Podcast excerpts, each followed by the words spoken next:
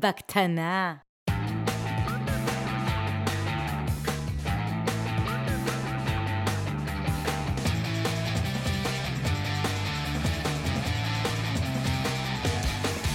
בקטנה. בקטנה. בקטנה. בקטנה. מפתחים חסרי תרבות. בקטנה. שלום, ברוכים הבאים לפרק מספר 53 המפתחים חסרי תרבות, בקטנה מספר 15, התאריך היום הוא ה-19 ליוני 2018, בוקר טוב לגל צלרמייר. בוקר אור אבי עציוני, מה שלומך הבוקר? בסדר גמור, מה איתך? חביב, חביב. חביב? רץ טוב הסיפור הזה של ה... של- בלי שמות. כן, בלי לציין שמות. שאלות אנונימיות בקבוצה, אנחנו מזכירים לכם. מוזמנים אה, להגיב בפורום ששמנו בפינט פוסט בקבוצה, מפתחים חסרי תרבות הקבוצה, ולשאול שאלות באנונימיות. אה, נדבר היום על שאלה אנונימית שקיבלנו, אבל באופן פרטי. האמת שקצת לפני שהעלינו את הפיצ'ר הזה, של שאלות אנונימיות. כן, אז uh, תזכיר לי רגע מה הייתה השאלה שקיבלנו? אז, אז שאלו אותנו באופן פרטי במייל, אה, מה האפקט של גיוס לא מתאים לצוות מבחינת יחסי אנוש, כימיה, אי-התאמה טכנולוגית, חוסר יכולת ביטוי וכולי. אה, מה ההשלכות על החברה ואילו צעדים ניתן לנקוט במידה ומזהים את הסיטואציה מאוחר מדי, אפילו כמה שנים אחרי הגיוס. קיצור, עובד לא, לא מתאים לצוות. כן, אתה יודע, אני חושב שהסוף של השאלה הוא כבר uh, יוצא מעולמות הגיוס, ואתה יודע, כן, קורה אפילו, של... אפילו כמה שנים אחרי הגיוס זה מוזר. כן, אבל אני חושב, אם, אתה יודע, נמקד את זה רגע לגיוס וכולי, אמ, שני אלמנטים שהם בעיניי קריטיים, שעולים אה, מאוד חזק מהשאלה הזאת. אחד, אמ, באופן עקרוני, אני חושב שהדבר הכי חשוב ש, שמגייסים, יותר חשוב מכל דבר אחר, כולל אה, אמ, חוכמה, יכולות טכנולוגיות, אמ, כל דבר שאתה יכול לחשוב עליו שהוא, שישר קופץ לנו כשמדברים על אה, מפתחים, זה אה, שאנשים יהיו אנשים טובים, שאנשים נכון. יהיו אנשים כיפים. יש את המשפט האלמותי של אה, נטפליקס, משהו כמו We don't hire jerks, כן. או משהו כזה, אני חושב שזה הדבר הכי הכי הכי נכון, ו... ואם במהלך תהליך הגיוס יש איזשהו אה, אלמנט של ספק אה, בהיבט הזה, אז, אז, אז התשובה היא שאין ספק. אבל יש מצב שאתה מגייס מישהו שהוא לא ג'רק, ויכול להיות שהוא אפילו בן אדם שנראה סבבה, ואז הוא מתחיל לעבוד, ואתה רואה שאין אין כימיה בצוות, אין, אין התאמה. עוד שנייה נדבר על אי-התאמה טכנולוגית, שזה לא ברור איך- זה לא עולה ברעיונות, אבל אין, אין התאמה ברמה של היחסי אנוש. יש מצב שזה קורה? בוודאי, אני חושב שזה זהה לאי התאמה טכנולוגית. כלומר, כמו שאתה, שיש סיכוי קלוש שאתה אה, יכול לפספס אי התאמה טכנולוגית, יש סיכוי קלוש שאתה יכול לת- לפספס... אה, אה, אה, אני לא יודע מה זה כל כך אומר אי התאמה, אבל אתה יכול לפספס גם אנשים שהם ג'רקס. אני, אני, אני יכול לחשוב על, על אי-התאמה כזאת, אה, בלי, הש, השטג בלי להזכיר שמות, אה, אבל, אה, אבל לפעמים יש, יש אנשים שיכולים להיות מאוד מאוד טובים בראיונות ולהיות מאוד צ'ארמינג, ואחרי איזו תקופה שהם בצוות, פתאום, פתאום אתה מבין שהם לא ממש צ'ארמינג, הם יודעים להיות אס-הולס בצורה צ'ארמית. ואני, ואני חושב שזה זה, זה החלק הקשה, כי באמת, לעלות על זה שבן אדם הוא ג'רק במידה והוא מראה את זה בראיונות, ולא לגייס אותו, זה אחלה. אבל לא תמיד אתה עולה על זה. ואז מה קורה כשהבן אדם כבר נמצא בארגון, ואז אתה מבין שיש שם איזה בעיה. אז אני, אני שוב, אני עושה לך בכוונה פושבק לסיפור הזה, אני חושב שאין הבדל בין פספוס אה, אה, מישהו, אתה יודע, על תכונות אה, של, של סופט או של חברתיות או דברים כאלה, לבין פספוס טכנולוגי. אני חושב שיש את, ה, את הפוסט האלמותי של אה, ג'ול ספולסקי על אה, the Ninja Guide for, אה, for Interviews, אה, מספר 3.0 או משהו כזה, נפרסם את זה אחרי זה, בעיניי האורים והתומים ל- לאיך לראיין. ואחד הדברים הכי חשובים שיש שם זה שהוא אומר, תעשה תהליך כאילו עמוק וארוך, ואם מישהו בתהליך הזה אומר אה, לא, אז זה אומר שלא, כי עדיף לך שלא יהיה לך false positive, כן? כלומר, עדיף לך אה, לאבד מועמדים מעולים ורק לא לקחת בינוניים, והבינוניים האלה יכולים להיות איידר בגלל, אה, אתה יודע, כישורים סוציאליים, יכולים להיות בגלל עניינים טכנולוגיים. אה, ו- ואני חושב ש- שהנקודה הזאת היא מאוד חשובה. מה זה משנה בעצם, כאילו, אם, איפה היה פספוס? פספסת טכנולוגית זה לא טוב, פספסת סוציאלית זה לא טוב. אז מה אתה אומר? לפטר בשלב הזה? אני אומר שאתה יודע, זה, זה ברגע שאתה אה, אה, לא מצליח ל, ל, להביא את הבן אדם ל- לרמת הציפיות שאתה רוצה, או בגלל שהוא אה, אה, לא מספיק חזק טכנולוגית, או לא מספיק מתאים טכנולוגית למה שאתה מחפש, או בגלל שהוא לא מספיק אה, עם הכישורים הסוציאליים, או soft skills אחרים שאתה מחפש, אה, ואתה לא מצליח לשפר את זה גם. אז צריכים להיפרד, כי אז- יכול להיות שיש חברות אחרות שבהן הוא יתאים יותר. אתה אומר לא מצליח לשפר את זה, אתה אומר לפני שאנחנו מפטרים, אנחנו הבן, אנחנו חייבים לעשות עם הבן אדם תהליך לנסות לשפר את זה, או, ש, או שאנחנו לא חייבים? אני חושב ש... אמ, חושב שחייבים. כלומר, אמ, צריך להבין רגע מה בדיוק הבעיות. יכול להיות שיש, אה, זה סתם עניין של תיאום ציפיות, נכון. שהוא לא היה מספיק ברור, יכול להיות שעניין ש... אתה יודע, ש, שצריך לעשות אה, אה, שיפט ממש ממש קטן בחשיבה או במחשבה, ו, ו, והדברים יסתדרו, יכול להיות שצריך, שיש כל מיני, אתה יודע, כישורים שאפשר לפתח ו, ו, ולתקן אותם וכולי וכולי. אמ, אבל אה, אמ, לאורך זמן זה בטח לא משהו שאתה יכול לחיות איתו. כן, יש את הביטוי הזה, hire fast, fire fast. Um, אני, אני, ממש, אני ממש לא מאמין בזה, אני מאמין ב-hire right, fire fast. זה בעצם מתחבר למה שאתה אומר, להשקיע יותר ברעיונות. Um, אני, אני חוויתי את זה כמה פעמים, של לגייס, כי היינו לחוצים על uh, תפקיד, וגייסנו מישהו מהר, ואז הייתה חוסר התאמה, ולפעמים גם פיטורים. זה... כל הסיטואציה היא מאוד מאוד לא טובה, כי לוקח... אני לא מאמין בפייר פסט לפני שעשית איזשהו תהליך של שיקוף הבעיות ו- וניסית לעבוד עם הבן אדם. עכשיו, זה תהליך שהוא לפחות, לפחות, במינימום לוקח איזה חודשיים. ובתקופה הזאת זו סיטואציה מאוד לא נעימה לכולם. כמובן שכשבסוף צריך לפטר, אז זה, זה מאוד משפיע על הצוות. גם אם זה מישהו שנמצא רק חודשיים בחברה, אה, זה, זה לא נעים לשמוע שמישהו פוטר, זה מלחיץ, זה גורם לך לחשוב איפה אני עומד ו... וכולי, אז באמת אני חושב שההשקעה בעוד רעיונות ולא לקחת מישהו שלא בטוחים לגביו, היא, היא שווה את זה. אבל דיברנו עד עכשיו, כאילו, קצת על כל הסיפור הזה בעיניים של uh, מישהו שהוא מנהל ויש לו את היכולת uh, להחליט מי מגויס ומי מפוטר. מה אתה עושה בתור עובד בצוות כשאתה רואה סיטואציה כזאת?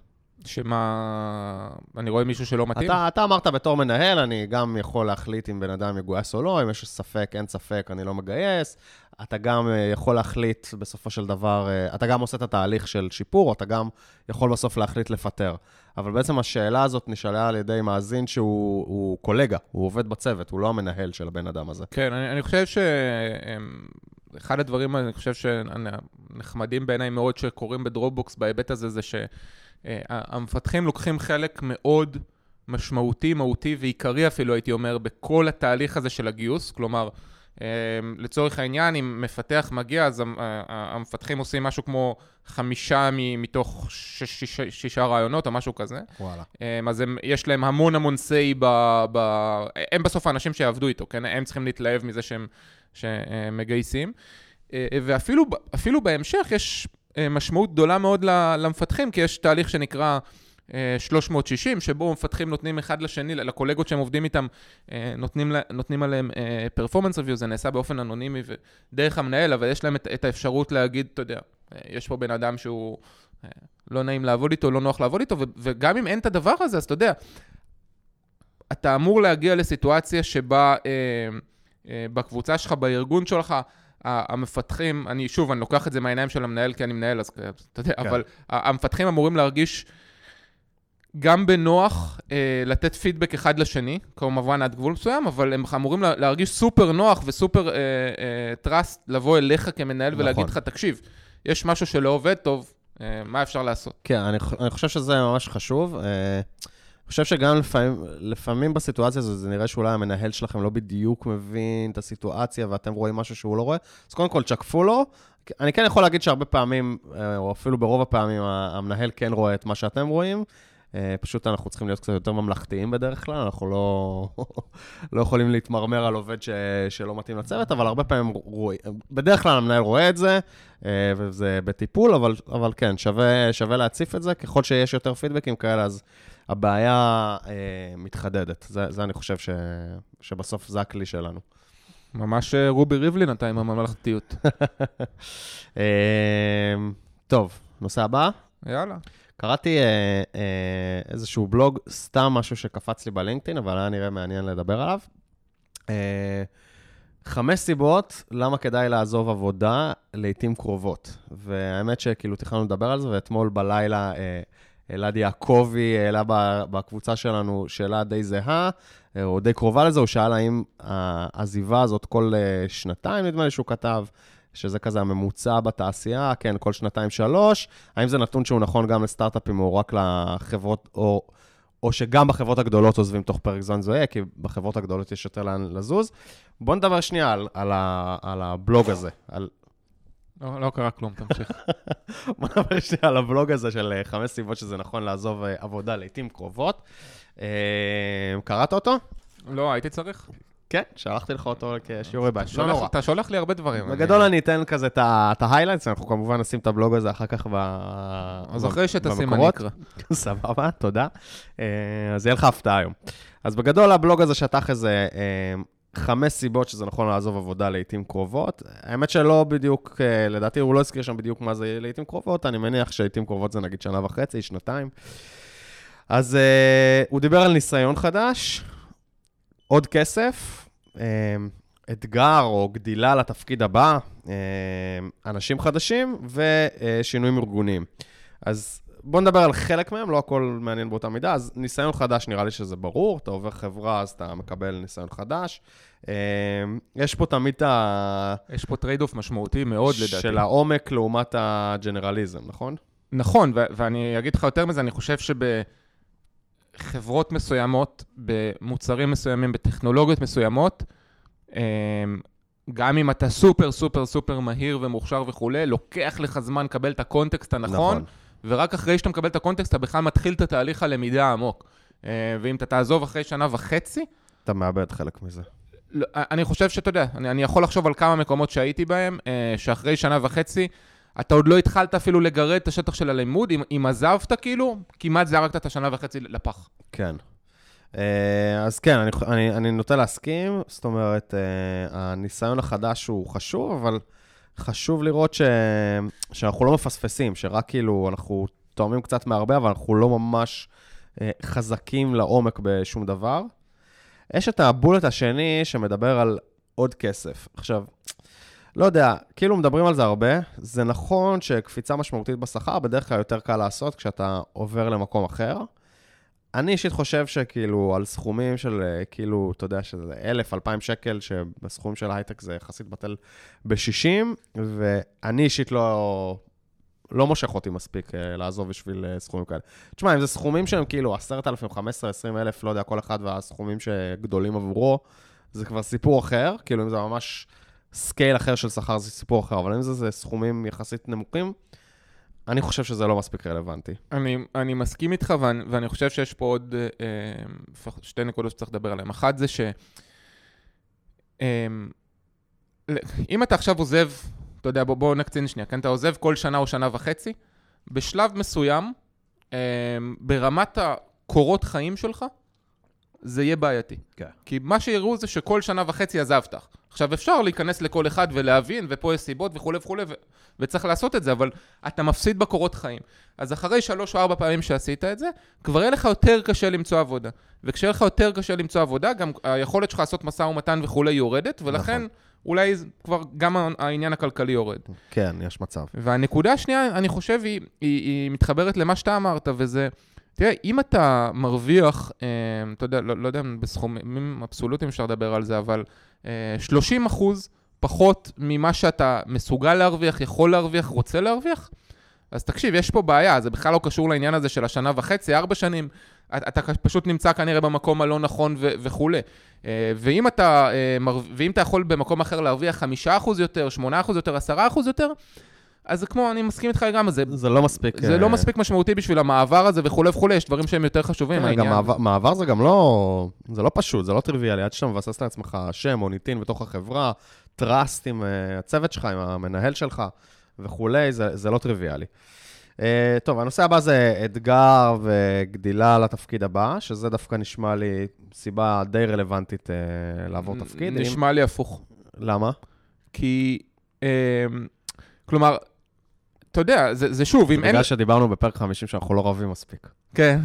אה, כי, כי יש פה, אמרת שני דברים, אמרת אתגר ותפקיד. אתגר, אה, ה- הסיכוי שלך, כלומר, שוב, אם אתה, מרג... אם אתה לא מאותגר, אז זה בעיה ואתה צריך לעזוב. אבל אתה מכיר את החברה שאתה עובד בה יותר טוב. את החברה שאתה, שאתה אה, עשוי או עלול ללכת אליה, נכון? ויכול להיות שאתה, יהיה לך הרבה יותר קל למצוא את האתגרים בפנים, כי אתה מכיר את החברה טוב. אתה יודע לאן ללכת. אתה יודע לאן זה, ללכת. זה במידה ואתה, שוב, אנחנו חוזרים לסיפור הזה של אם אתה בסטארט-אפ קטן או בחברה גדולה. גם בסטארט-אפ קטן, קטן, תראה, אם בסטארט-אפ קטן אין לך אתגרים בכלל, אז אני מסכים, תלך. לא, אם אתה רוצה את התפקיד הבא. בוא נגיד עם ה... אז לגבי ה- התפקיד... לדוגמה, אם אתה נמצא בסטארט-אפ של 7-8 אנשים, ואתה רוצה להיות ראש צוות, מהמם. ואתה יודע, הגיוס הבא הוא עוד שנה, הגיוס אה, כסף. אתה, זה, זה הצוות, 7-8 אנשים, שנה ואתה קדימה. מפתח עכשיו? ואתה מפתח, אתה רוצה להיות ראש. צוות. לא אז- יהיה תפקיד של ראש צוות בשנה הקרובה. נכון, וכשאתה עכשיו תעבור לחברה אחרת, הסיכוי שלך להתקבל כראש צוות הוא שולי. להתקבל. כראש צוות נכון, אבל יש לך יותר הזדמנויות שפתוחות. נכון, אבל ייקח לך שנה להוכיח את עצמך. אה, לא בטוח.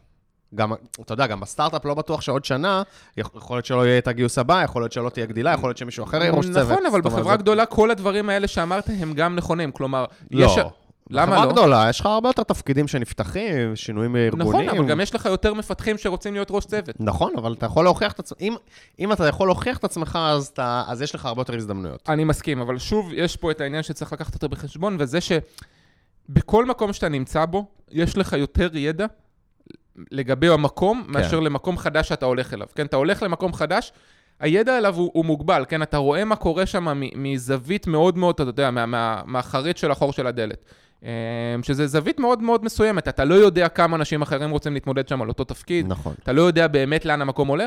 אה, אבל כן, שמע, זה, זה, מה שאתה אומר הוא... אני כן. לא לא מסכים איתך. הבולט הבא זה אנשים חדשים. טוב, זה נראה לי יהיה קשה לה- להתווכח, נכון. זה גם פחות uh, מעניין. הבולט האחרון היה, היה נראה לי מעניין. הוא דיבר על uh, שינויים ארגוניים. נגיד אם אנחנו מדברים על סטארט-אפ, אז יכול להיות רכ- רכישה או קיצוצים. האמת שקיצוצים קורים גם בחברות גדולות, לא רק בסטארט-אפים. Uh, והוא דיבר על זה בבלוג, שאנשים מעדיפים uh, לצאת לפני שיוציאו אותם כחלק מהשינויים. השינויים האלה עשויים להכניס קצת לחץ, uh, ואנשים מעדיפים לצאת לפני שיוצאו. ואני חייב להגיד מעבר לזה, בעצם בתקופה של, נגיד שיש קיצוצים עכשיו, או שיש שינויים משמעותיים, אה, זו תקופה שההנהלה עושה בה שינויים, אתה לא יודע באמת אם אתה הולך להיות מקוצץ, אתה לא יודע אם אתה הולך ל... אה, אם כל התנאי העבודה שלך הולכים להשתנות, ואם זה לגיטימי להנהלה לעשות שינויים, אני חושב שזה גם לגיטימי לחלוטין לעובד להחליט שזה הזמן לעשות שינוי. זה כאילו, זה, נקוד, זה check point כזה, וזה לגיטימי לגמרי להחליט שזה הזמן לעשות שינוי. מה מה ה check point עוד פעם? לא הבנתי. ה check point זה אומר, נגיד סתם, עכשיו סטארט-אפ, אה, בוא, בוא, נלך על אה, התרחיש האופטימי, סטארט-אפ אה, עובר עכשיו אה, תהליך של רכישה, והוא נכנס לתוך חברה גדולה. אה, יש הרבה עובדים שהם רוצים לעבוד בסטארט-אפ, זה, זה ה fun שלהם, הגודל הקטן, היכולת להשפיע, ב, כאילו שאתה אתה משפיע מאוד מאוד בגדול בתור מישהו בסטארט-אפ של עשרה, או אפילו 30 או 50 איש, אתה משפיע באופן משמעותי יותר מאשר בחברה, בחברה מאוד מאוד גדולה. זאת אומרת, ה impact שלך יותר גדול, כי מה לעשות, אתה אחד מתוך עשרה, או אחד מתוך אה, שלושים. לא ניכנס עכשיו לוויכוח של סטארט-אפ או חברה גדולה ואיפה כן. יש לך יותר אימפקט, בגלל שב... לא, יש אנשים שממש מרגישים ככה, יש אנשים לא, לא, שפורחים בחברות קטנות. ולא לא מסתדרים עם חברות גדולות. עזוב, נכון, אתה צודק, כאילו, יכול להיות שיש לך גם אימפקט עצום בחברה גדולה, אבל uh, uh, יש, יש אנשים שממש מרגישים שהם הולכים לאיבוד בחברה נכון. גדולה. ובעצם, המאמר אומר שזה יכול להיות שאתה יכול לעזוב לפני שיעזיבו אותך, כי היה עכשיו שינוי.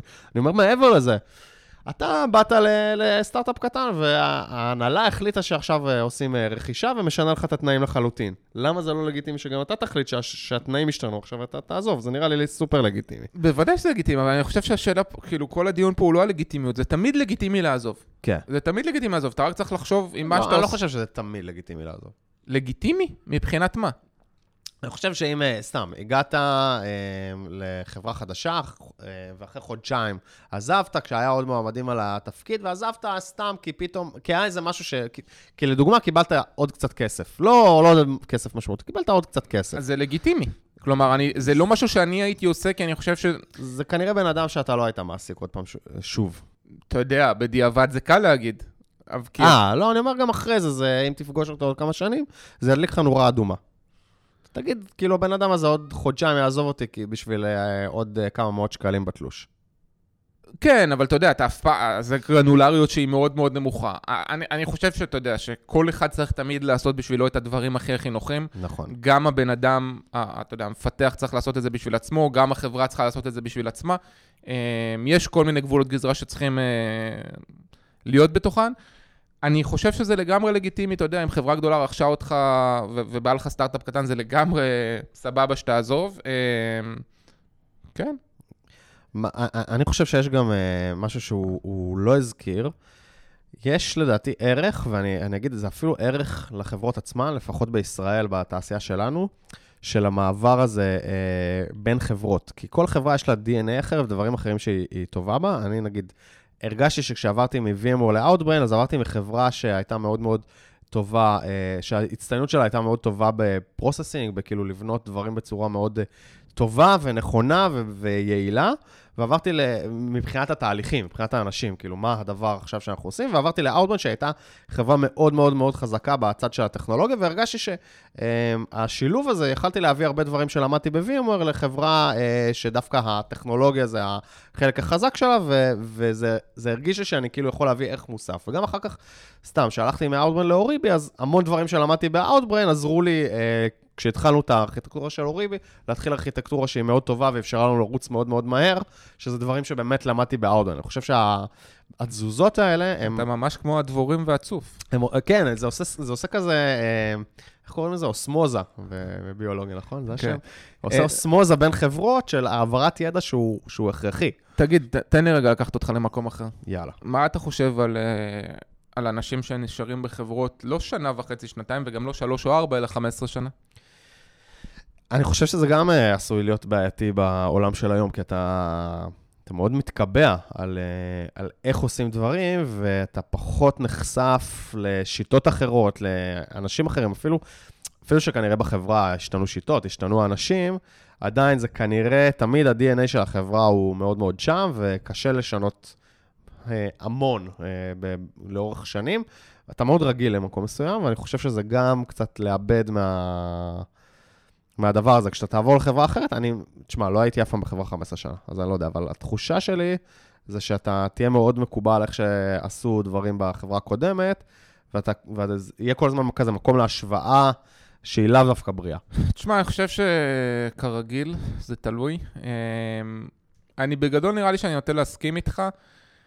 נראה לי שכן יש מקרים שבהם, אתה יודע, בחברות שהן הצליחו להגיע למצב שהן גם מאוד גדולות, כן, ויש שם הרבה מאוד, לא רק אופציות אה, וטכנולוגיות וכולי, אלא הן כבר כל כך גדולות שאתה יודע, הן מחולקות למין סאב קומפניז או סאב אריאס כאלה, שבכל אחת מהן אפילו כבר יש קצת את התרבות שלה, בטח את הטכנולוגיה שלה, כן, אבל גם את התרבות שלה ואת התהליכים שלה ואת האנשים שהם ייחודיים לה. אמ, ו- ואז אולי כן אתה יכול להגיע למין סיטואציה כזאת שאתה גם כל הזמן גדל ולמד וכולי, וגם להגיע למק... למצב, בגלל שאתה כל כך הרבה זמן באותו מקום, ל- לרמת אקספרטיות שהיא באמת כאילו נדירה, אמ, ו- ואתה יודע, אתה מגיע לעומק הכי הכי עמוק שיש, אמ, אבל אה, אני שוב, לא לא מסכים איתך. אני, אני חושב שהמדד לזה זה האם כשאתה מקבל קורות חיים של מישהו כזה, האם זה עולה לך כאיזושהי נקודה כזה... האמת שלא. לא? אם, אם, אתה שואל אותי את זה, אז התשובה מישהו שהיה 15 שנה באותו מקום, זה לא כזה, אתה אומר? זה לא כזה גורם לך לאיזה ספק קטן? ממש ממש לא. אם אני רואה מישהו שהיה 15 שנה באותו מקום, ואתה יודע, הוא, הוא הגיע שם לרמת התפתחות מאוד מאוד גבוהה, והוא אקספרט במקום הזה. לא, אבל אם הוא לא אקספרט, הוא פשוט לא, לא. שהיה במקום אז- הרבה שנים. אז, אז, אז זה בעיה שהיא לא קשורה. כלומר, אתה, זה משהו אחר לגמרי. פה, אם אני רואה מישהו עם המון המון שנות ניסיון, שהוא כל הזמן עושה אותם דברים, כן? הוא כל הזמן עושה אותו דבר, לא משנה אם הוא בארבע חברות או בחברה אחת, זה בעיה מבחינתי. אני רואה כן. חוסר התפתחות, אבל אם הוא באותו מקום, ואני רואה שהוא התפתח, התפתח, התפתח, התקדם, האימפקט שלו הלך וגדל והוא הגיע באמת... אז uh, להפך, זה האמת מגניב אותי. ש- שנקודת אזהרה שתמיד עולה לי כשאני רואה קורות חיים כאלה, זה שהסיכוי שהבן אדם הזה יעזוב את החברה ויבוא אלינו הוא נמוך, ואתה אומר, האם כדאי לי להתחיל בתהליך איתו? כאילו, הוא שם הרבה שנים, כנראה שקשה להזיז אותו משם. נראה לי הוא סתם מפלרטט. אתה אתה עושה פרצוף של, כן, יש מצב. כן. פשוט אה, רואים המאזינים? לא רואים את זה. הבנתי, אה, בקטע כן. כזה. אה, זהו, עוד משהו על זה? לא, מיצינו. סבבה, אז אה, טוב, אנחנו נשים את הלינק לבלוג הזה במקורות. ואם אתם עוד לא בקבוצה, מפתחים חסרי תרבות הקבוצה.